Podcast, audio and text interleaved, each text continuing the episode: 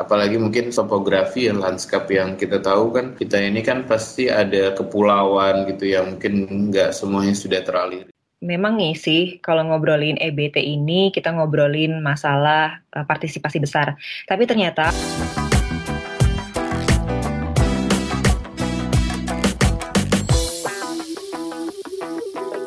Hai Motioners, Widya nih.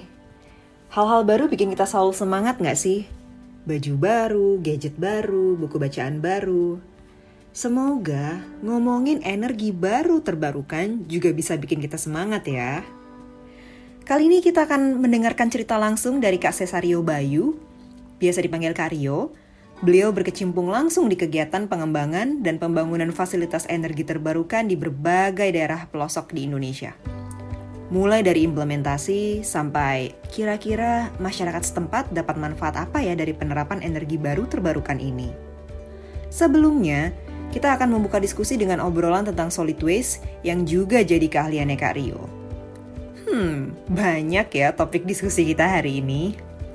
Tapi aku berharap podcast ini tetap bisa jadi teman perjalanan motioners untuk tetap punya kesadaran lingkungan dan bergerak buat lingkungan. Terima kasih ya sudah mendengarkan.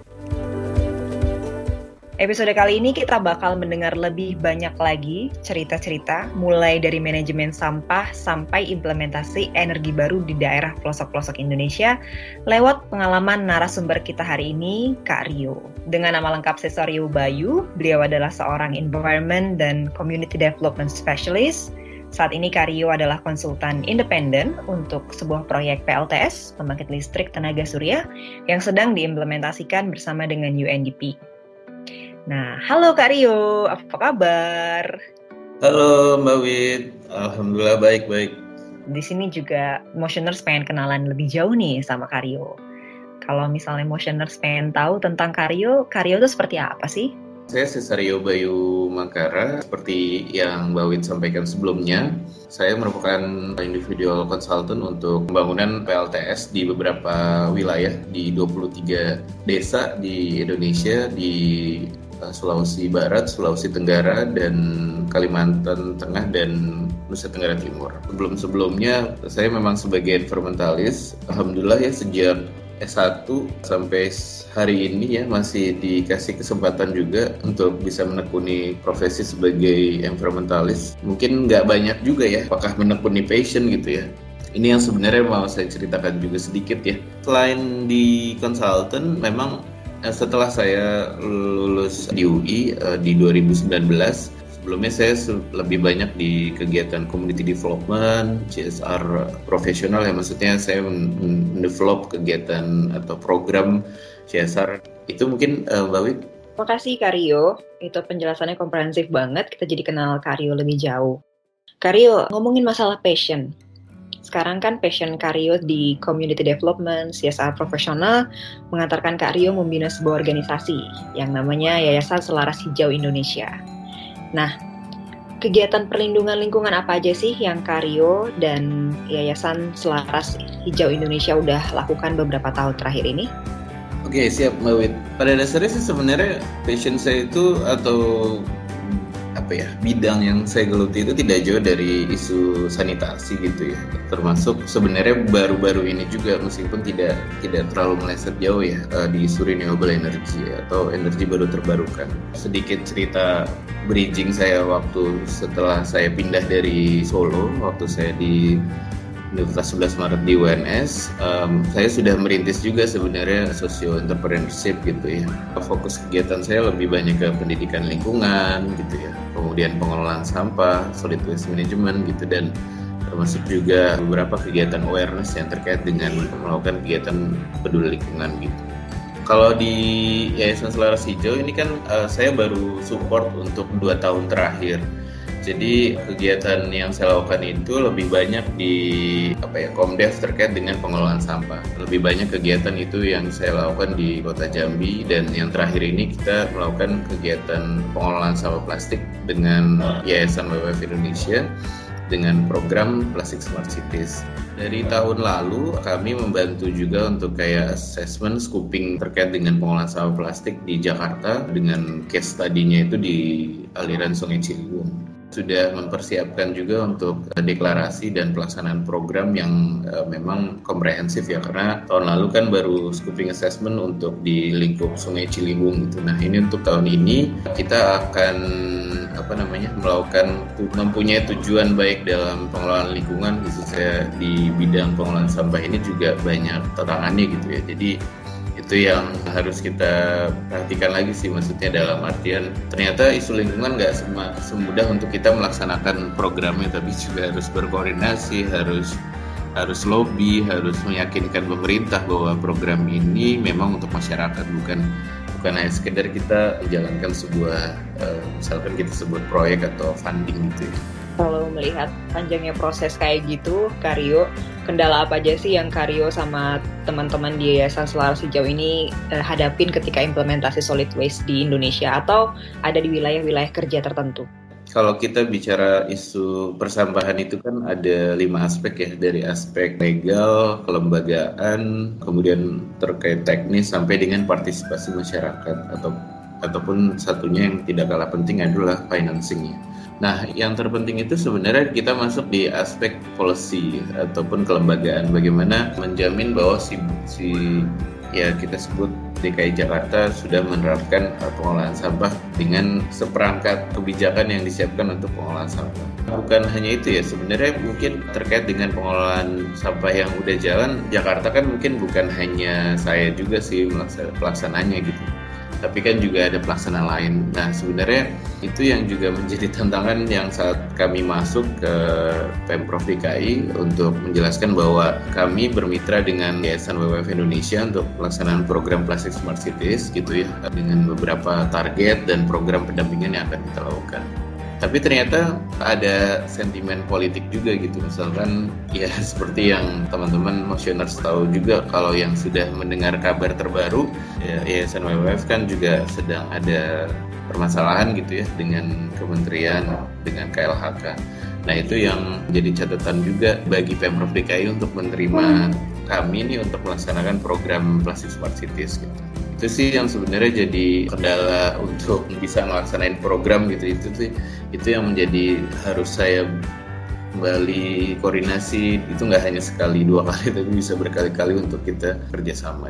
Uh, simpelnya kalau aku bisa merangkum itu ada aspek legal yang panjang, terus ada juga sentimen politik.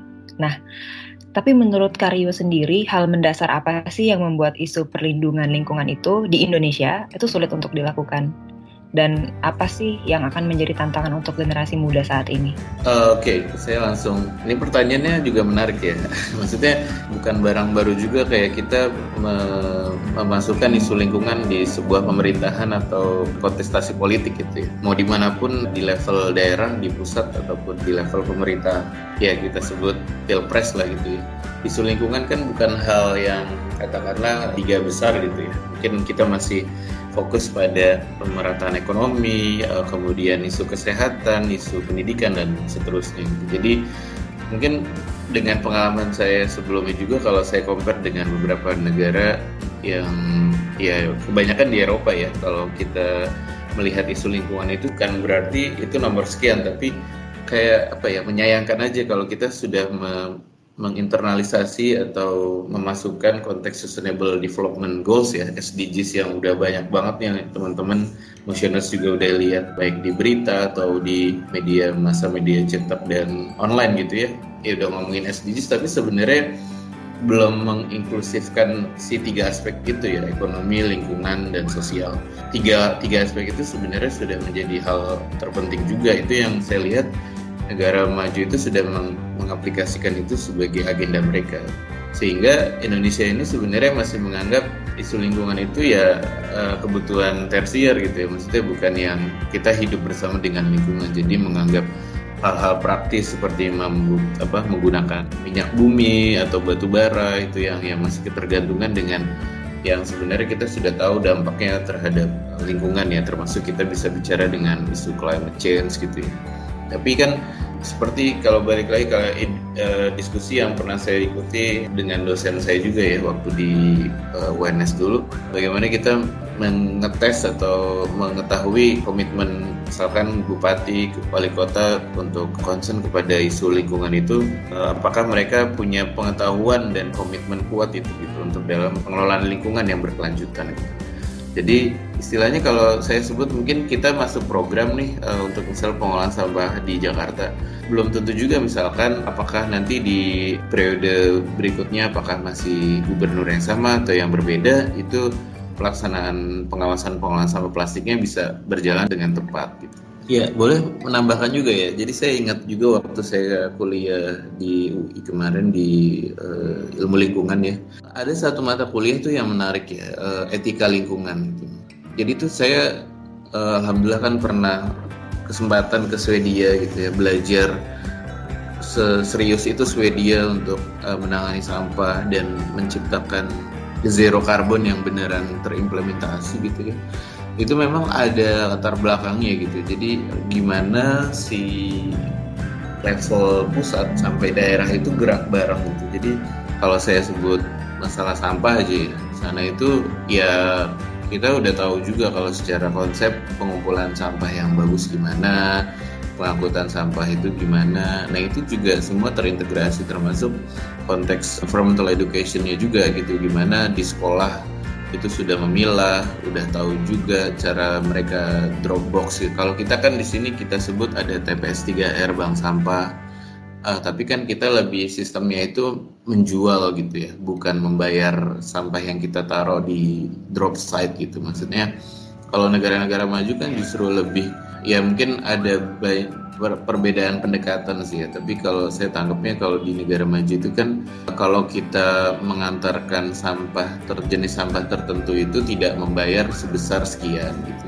Di negara maju ya itu akan bayar uh, bayar apa pembuangan sampah itu sesuai sampah yang teman-teman keluarkan gitu. ataupun pajak yang teman-teman yang harus keluarkan saat stay di apartemen atau di rumah tertentu gitu ya termasuk nanti kalau kita memisahkan sampahnya itu bayarnya lebih murah gitu.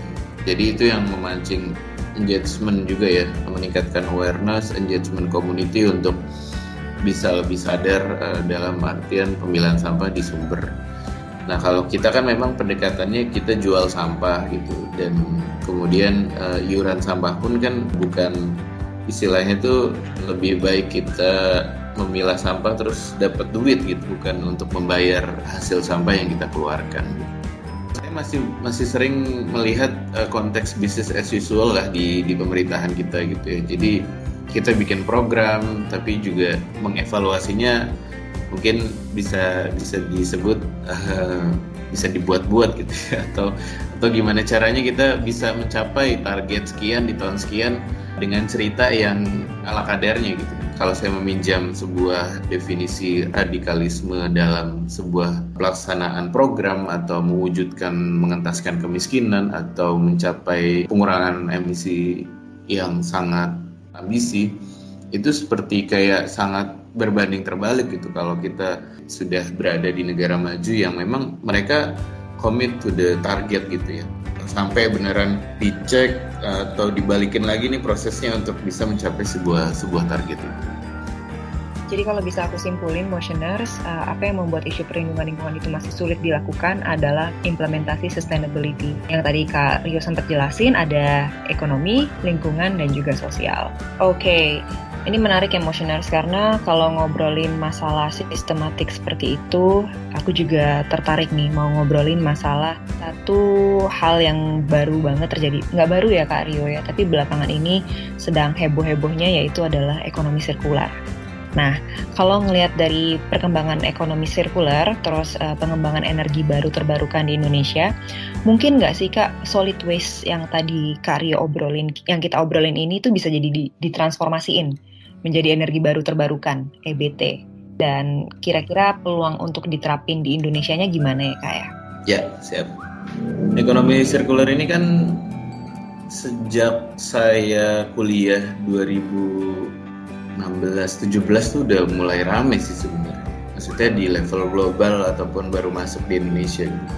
tapi kan diinternalisasi untuk bisa di encourage pemerintah Indonesia itu kan baru akhir tahun lalu dan sekarang mungkin motioners yang belum tahu circular economy ini sekarang sudah menjadi agenda pemerintahan Indonesia juga gitu di bawahnya Bappenas. Kalau nyambung ke circular economy untuk konteks di SWM itu kan sebenarnya nggak hanya EBT sih ya Mbak Win. Kalau kita bilang waste to energy gitu ya misalkan saya sebut biogas atau pyrolysis atau uh, refuse purified fuel gitu RDF itu kan salah satu metode ya metode pengolahan sampah organik yang memang dia mengkonversi dari sampah padat menjadi energi gitu ya. Atau dengan kalau saya pinjam istilahnya adalah thermal recycling atau daur ulang menggunakan panas. Dan konteks waste to energy ini juga kalau saya boleh cerita motioners dan bawit itu juga banyak dipertentangkan ya. Maksudnya aktivis itu banyak juga tipenya gitu ya. Yang memang dia konservatif atau dia mungkin moderat seperti saya.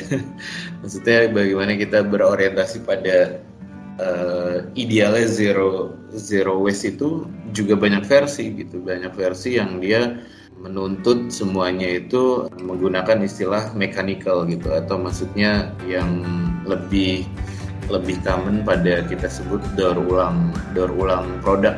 Misalkan plastik dari kualitas PET jadi PP maksudnya kalau motioners dan Bawit pernah ngikutin tipe plastik kan kalau didaur ulang tuh kan dia akan turun grade-nya ke grade bawahnya PET, PP, HDPE sampai mungkin kita pernah pegang kantong kresek gitu ya. Kalau yang masih bening, tebel itu lebih bagus. Sekarang-sekarang ini banyak juga yang mereka mengkonversi menjadi aspal gitu ya, bensin. Waste to energy sebagai EBT gitu ya, atau yang skala besar di level perkotaan kita sebut PLTSA gitu, pembangkit listrik dari tenaga sampah itu juga pilot dan uh, termasuk RDF yang tadi saya sebut itu uh, sebuah sistem ya rekayasa engineer gitu ya yang mengolah some solid waste menjadi energi dengan serangkaian proses. Sebenarnya mirip-mirip juga dengan pyrolysis tapi ya kalau saya meminjam banyak istilah ya. Mungkin kayak misalkan ada yang sempat saya diskusikan dengan Mbak Wit itu untuk organik itu kan ada bagaimana kita menanganinya dengan proses wet gitu ya. Basah kemudian proses kering kemudian dengan menggunakan kelembapan.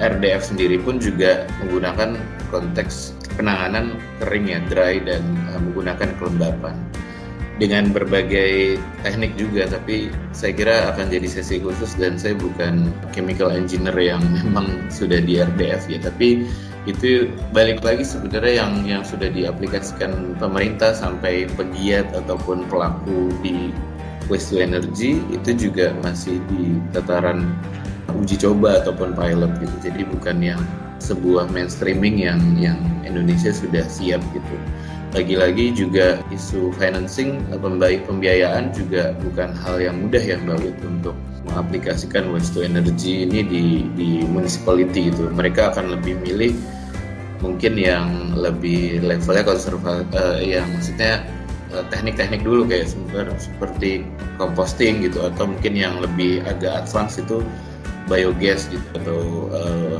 untuk mengkonversi menjadi biogas mungkin teman-teman yang sudah di biogas akan lebih memilih ada campuran uh, dari kotoran ternak seperti sapi gitu. Jadi nggak murni yang yang ada di TPA kita pada hari ini gitu. Karena pemilahan sampah kita juga masih maksudnya belum maksimal banget gitu. Jadi itu juga menjadi PR juga buat para petugas di lapangan sampai di level TPST atau TPST itu kan pengolahan terpadu yang bisa jadi di TPA atau di sebelum TPA gitu.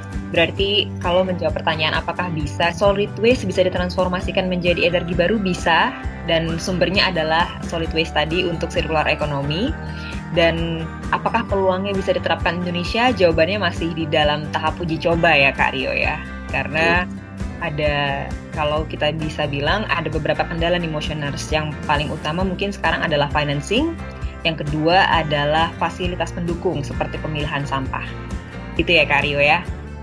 Ya, balik lagi sebenarnya seberapa serius kita untuk uh, menekel isu ini gitu. Jadi termasuk ekonomi sirkular ini kan pelakunya juga udah lumayan gitu ya, uh, pegiatnya juga udah ada gitu. Tapi ya kayak saya sebut beberapa perusahaan multi company itu udah udah terhimpun dalam sebuah organisasi untuk bagaimana mereka mengelola sampahnya, baik itu dari konteks uh, mechanical sampai yang advance gitu ya. Ada juga saya nggak usah nyebut perusahaan, tapi mereka sudah punya sebuah inisiatif untuk waste energy juga ada gitu. Yang mechanical recycling juga ada gitu.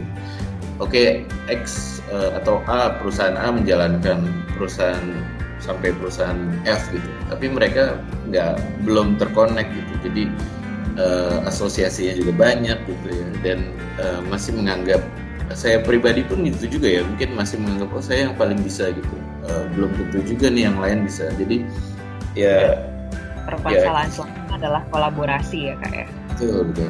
Oke. Okay. Karyo, uh, tadi Karyo mention tentang EBT, energi baru terbarukan. Nah, motion harus langsung yuk masuk yuk. Karyo ini sebenarnya lagi dia sedang mengimplementasikan sebuah proyek ya Karyo ya bersama dengan UNDP, yaitu proyek akses uh, PLTS Nah, kita tuh pengen tahu nih Kak Rio, coba dong ceritain sedikit aja keahliannya Kak Rio yang berhubungan dengan energi baru terbarukan, terus jenis energi apa sih yang sekarang dis, uh, lagi dikembangin Kak Rio bareng sama tim? Siap, uh, thank you Mbak. Ya, uh, saya baru juga nih di renewable ya, uh, tapi yang saya geluti ini memang bukan bukan kali pertama. Uh, jadi saya juga memang karena komdev spesialis juga, jadi uh, saya support juga untuk uh, akses uh, istilah bahasa Inggris sih, tapi intinya Project Access UNDP ini tuh um, melakukan uh, instalasi pembangkit listrik tenaga surya PLTS di 23 desa yang tadi sempat saya mention juga di Sulawesi Barat, di Sulawesi Tenggara, Kalimantan Tengah, dan Tenggara Timur. selain di Indonesia sebenarnya si uh, proyek proyek proyek akses ini itu juga dilaksanakan di Timor Leste dengan konteks bagaimana kita bisa menyediakan akses listrik dari energi baru terbarukan di desa-desa terpencil gitu. Jadi itu yang yang sedang saya geluti sekarang. Dan hal yang menarik uh, sebagai pelaksanaan uh, program ini adalah kita untuk menjamin keberlanjutannya itu dengan uh, meletakkan uh, BUMDes Badan Usaha Milik Desa sebagai proses kelembagaannya ya sebagai rekayasa sosial juga untuk menjamin keberlanjutan si PLTS itu bisa dibina oleh uh. Nah, uh, jadi di bawah BUMDes itu kita sebut BUMDes ini sebagai lembaga yang bisa menguasai aset desa. Jadi konteksnya itu eh, PLTS yang terbangun kan sebagai pelayanan listrik ke warga gitu ya. Nah nanti mereka akan yang ya akan mengelola dan meman, ya maksudnya memanfaatkan dan mengelola tadi di bawah uh, unit pengelola listrik desa UPLD. Jadi kayak unit usaha di bawah BUMDes. Nah selain selain TS yang terbangun yang dikelola tadi, uh, kita juga mengedepankan uh, proses uh, unit usaha ini. Jadi maksudnya kita juga mengembangkan ekonomi lokal mereka gitu. Kita sebut misalkan usaha kopi atau batu gitu ya untuk nelayan dan seterusnya yang memang uh, sesuai dengan ekosistem masing-masing desa mereka.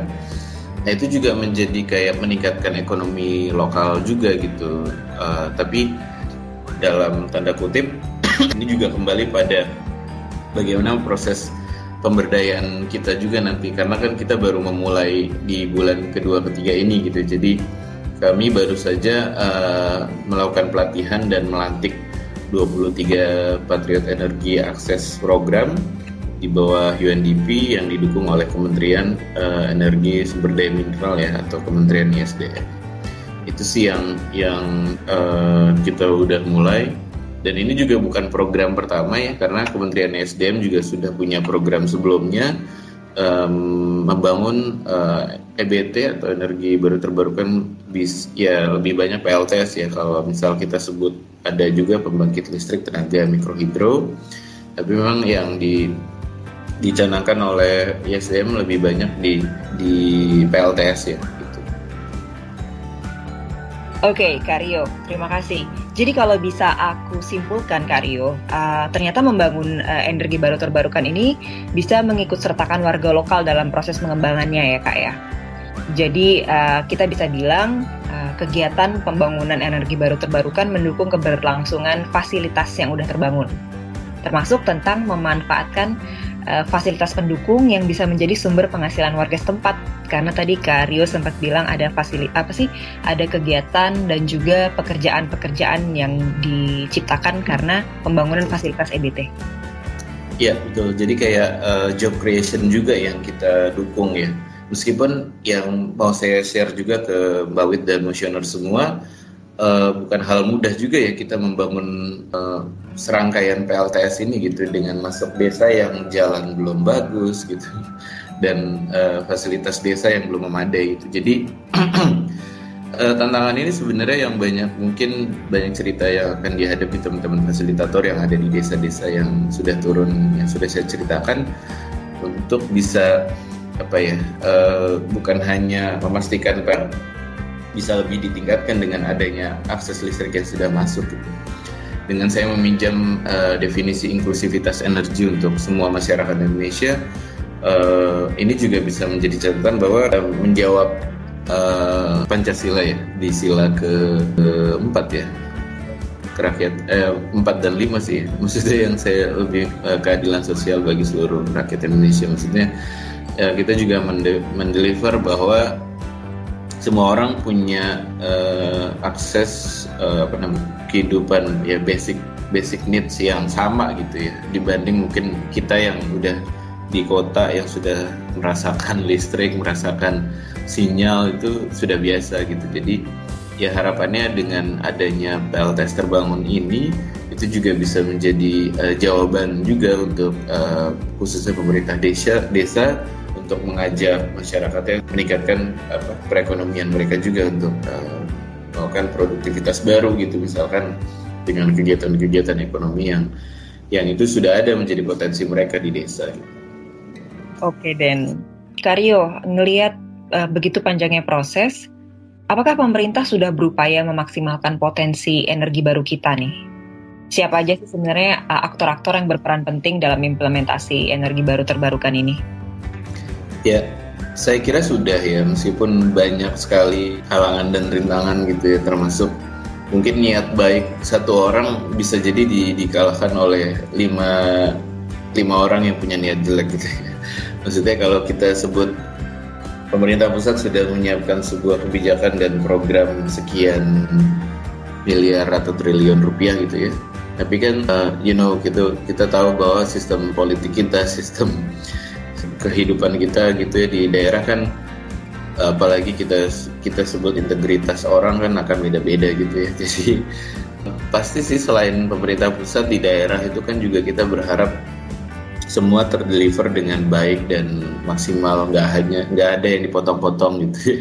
Dan juga didukung oleh Pemda Pemprov untuk uh, menjamin uh, operasional dan pemeliharaan si PLTS meskipun si program uh, PLTS yang terbangun dari pro proyek akses ini kan juga juga istilahnya kita mendorong adanya kemandirian dari BUMDes dan UPLD ya, unit usaha yang melayani PLT apa listrik dari PLTS ini juga bisa mencukupi gitu ya.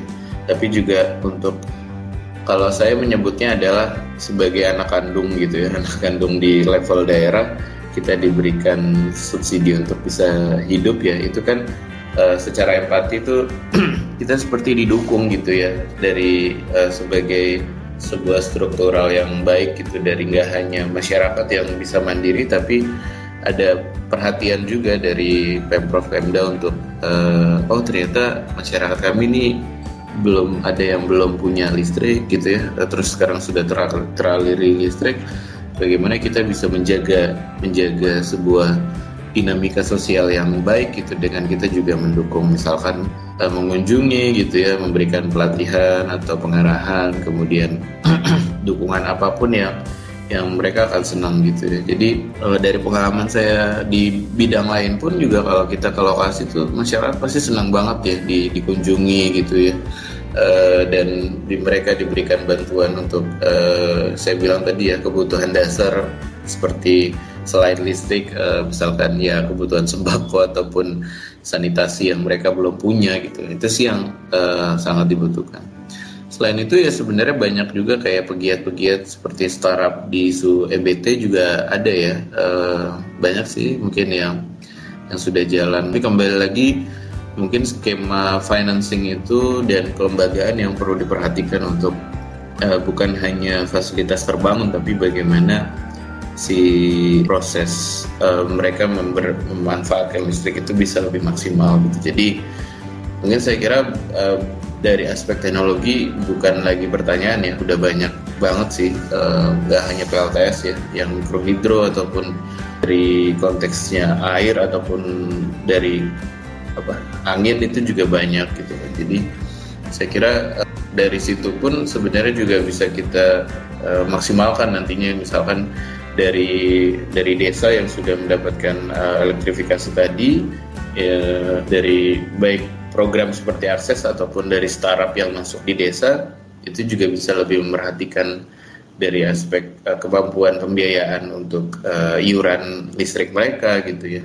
Termasuk mungkin gimana kita kalau skema yang saya kemarin sudah berikan ke teman-teman fasilitator itu seperti subsidi gitu ya. Jadi uh, harapannya pengembangan ekonomi lokal itu dengan bumdes tadi bisa berjalan, usaha itu bisa gotong royong gitu. Misal dari masyarakat yang lebih mampu gitu untuk kita bisa uh, melakukan skenario bisnis selain pelayanan listrik itu ada kegiatan yang lain untuk bisa mensubsidi masyarakat yang tidak bisa membayar iuran listrik tadi itu. Nah, Karyo, lihat banyaknya partisipasi yang sudah uh, bergabung di kegiatan ini mendukung kegiatan energi baru terbarukan, mulai dari pemerintah, terus uh, Karyo sempat uh, mention ternyata ada startup di energi baru terbarukan, lalu ada partisipasi masyarakat, NGO. Sekarang apa yang Motioners bisa lakukan untuk mendukung Indonesia beralih ke energi baru terbarukan? Kalau secara individu sih memang apa ya kalau saya sebut untuk teknologi kan bukan bukan barang yang murah ya meskipun kayak misalkan kita sudah terbiasa dengan listrik dari PLN gitu ya. Tapi ya balik lagi memang uh, mengubah lifestyle yang dari uh, apa namanya sering masih menggunakan uh, fossil fuel ya istilahnya masih minyak bumi dan seterusnya itu ya bagaimana sebenarnya kita mengubah gaya hidup yang kalau saya sih lebih prefer untuk yang lebih menerapkan uh, hemat energi ya. Uh, bagaimana kita menggunakan energi yang seperlunya, ya seperti yang sudah mungkin banyak uh, motioners atau Mbak Wi juga sudah dengar gitu untuk kita tidak berlebihan dalam penggunaan energi gitu. Karena ya kalau saya untuk merekomendasikan lifestyle kan balik lagi ke kemampuan masing-masing ya. Maksudnya untuk bisa kita memasang panel surya gitu ya ataupun misalkan mobil listrik gitu ya. Uh, itu kan sebenarnya memang uh, balik lagi kemampuan pemerintahan kita juga gitu. Kalau di level perkotaan kan uh, ini masih mewacanakan juga untuk kita uh, bisa mengubah jadi mobil listrik dan seterusnya gitu. Uh, apalagi misalkan ya ya yang paling sederhana kalau kehidupan sehari-hari kita bisa menggunakan transportasi publik gitu ya yang memang uh, meskipun di, di kondisi covid atau pandemi ini kan juga nggak gampang juga gitu. Jadi itu juga balik lagi sih sebenarnya kalau saya sih lebih lebih nyaman kita lebih eh, menggunakan istilah uh, hemat energi gitu ya. Kalau kita balik memilih uh, untuk menggunakan EBT itu kan sebenarnya sesuatu yang subjektif banget nih untuk uh, bisa uh, namanya kita menggunakan solar panel gitu ya eh, ya maksudnya dari tenaga surya kemudian biofuel ataupun yang memang tidak tergantung dengan uh, fossil fuel gitu ya itu kan sebenarnya balik lagi ke kemampuan masing-masing sih gitu. Jadi motioners ternyata memang nih sih kalau ngobrolin EBT ini kita ngobrolin masalah uh, partisipasi besar. Tapi ternyata motioners bisa juga berpartisipasi dengan cara hemat energi, contohnya penggunaan transportasi publik. Tapi nanti ya setelah pandemi ini berakhir dan pemerintah menyatakan bahwa kita sudah aman, terus motioners bisa memilih sumber energi yang ramah lingkungan, bisa katanya Kak Ryu bisa mulai pakai solar panel, biofuel, dan kalau nanti motioners juga bisa menerapkan lifestyle yang ramah lingkungan akan lebih baik lagi. uh, Rio ada satu atau dua poin terakhir sebelum kita menutup diskusi motion ini? Oke, okay, terima kasih Mbak Wit. Mungkin poin saya sih sebenarnya lebih uh, gimana kita bisa melihat bahwa secara umum ya Indonesia ini kan secara elektrifikasinya itu masih ada juga eh, daerah-daerah yang masih sangat tertinggal gitu ya. Mungkin saya sebut NTT gitu ya, masih sekitar 80% ya eh, dari 100% yang yang teraliri.